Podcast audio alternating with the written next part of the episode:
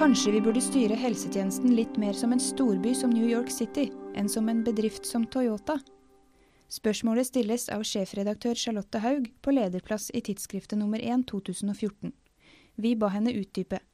Det jeg mener med det, er at vi har nå fått en ny regjering. Vi strever med helsepolitikken. Vi er egentlig veldig enige om hva vi vil. Vi er enige om at uh, det er noen ting vi må gjøre bedre. Det er noen ting vi ikke ordentlig får til.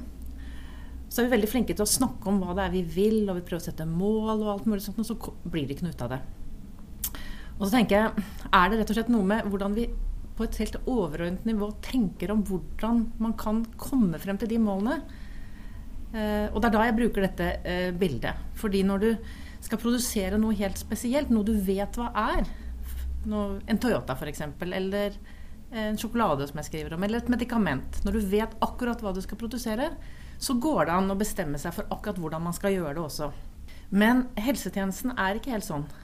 For den er veldig mangfoldig. Den inneholder veldig mange ulike elementer. Det er ikke små Toyotaer hele veien rundt.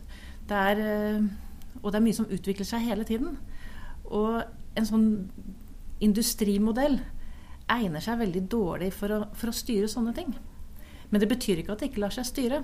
Og Det er derfor jeg bruker dette eksempelet med New York City, som er en veldig mangfoldig by med masse som foregår, og det ser nesten helt kaotisk ut. Men hvis du ser på undersiden, så er den veldig strengt styrt allikevel. Men på en helt annen måte enn du styrer en produksjon.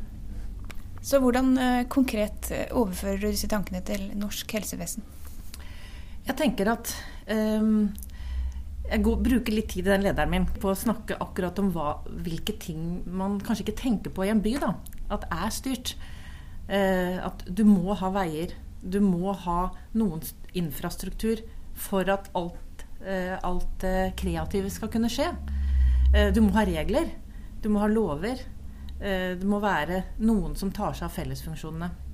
Det går an å tenke sånn om helsevesenet også, at det er noen ting som er som vi, som vi må ha i bånd alle sammen.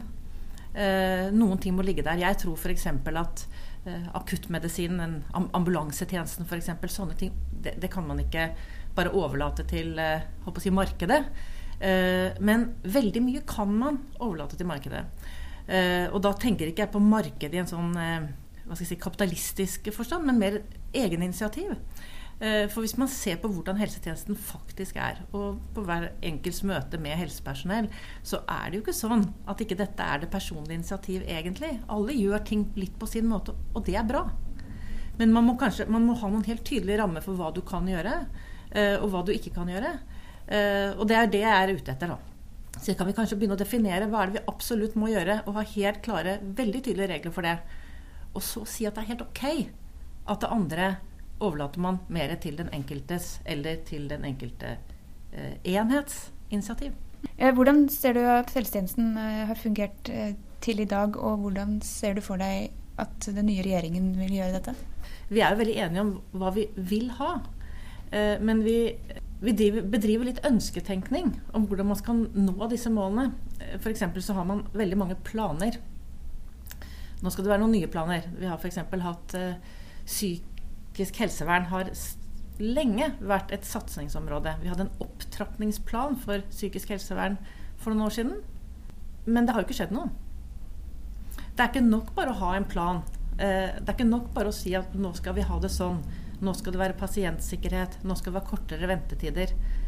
Eh, jeg tror intensjonene er gode, egentlig hos alle.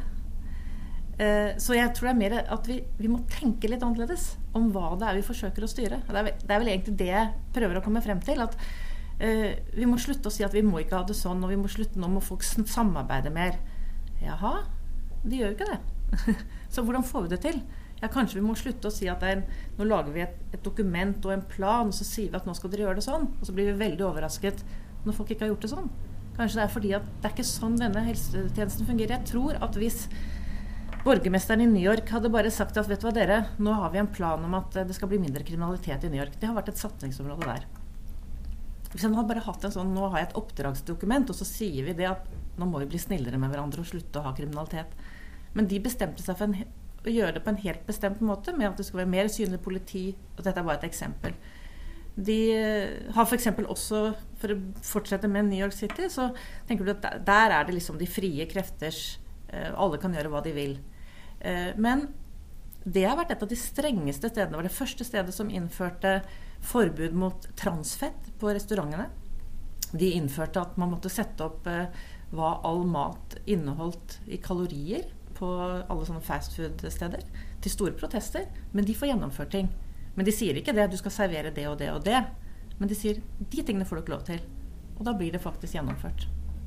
Så utfordringen er å ha de riktige store linjene og de riktige, den riktige detaljstyringen? Ja, jeg tror kanskje at detaljstyring eh, Det tror jeg kanskje ikke så mye på.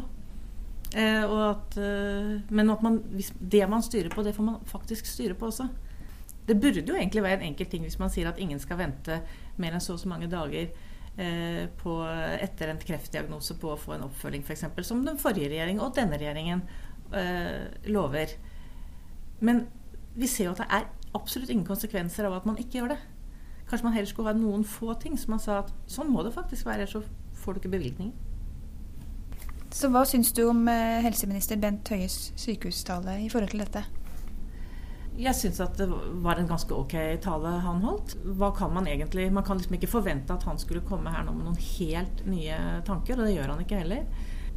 Jeg håper at, eh, at han er villig til å fortsette der han egentlig nå begynte med å se, sette sitt eget preg på det. Der jeg syns han satte eh, viktigst preg på det, det var ved å si noe om hva han mente helse var så var mestring, og at det ikke var fravær av, sykdom. Og at, pasient, at, også pasienter og pårørende skulle være med å utforme helsetjenesten. Det var et veldig viktig signal. Men samtidig så ser jeg jo det at han er med på denne detaljstyringen. Han, han, hans viktigste satsinger var veldig detaljstyrende. Det var disse pakkeforløpene som han snakket om. Og det er jo vel og bra, men det er da liksom det, Da er du helt nede på at brystkreftpasienter skal få akkurat sånn oppfølging. Og det er kjempefint i de veldig få tilfellene hvor det passer. Men det passer på veldig lite. Og så hadde han et annet veldig konkret, som var sånne et tverrfaglig diagnosesentre. Og det er sånn Er det det som skal være målsettingen, eller er det at man skal være Det er mye mer overordnet, nemlig at man skal eh, At det skal ikke gå for lang tid før du får en diagnose. Nei, hvis, nei, nå skal det være én, et tverrfaglig diagnosesenter eller hva han sa, i hver region. Eh, ja, Så får man satt opp det, da. Så er målet nådd. Men målet må jo være at pasientene får et bedre tilbud. Ikke at det er satt opp et diagnosesenter. I Norge så er vi alle sammen enige om, tror jeg, at eh, det å ha en uh, offentlig helsetjeneste, altså en helsetjeneste som er tilgjengelig for alle, vesentlig finansiert av det offentlige, er en god ting. Men det betyr ikke at alle behøver å være ansatt i det offentlige. Og det, det vet vi jo, for sånn er det jo i dag også. Eh, alle fastlegene er private næringsdrivende, f.eks.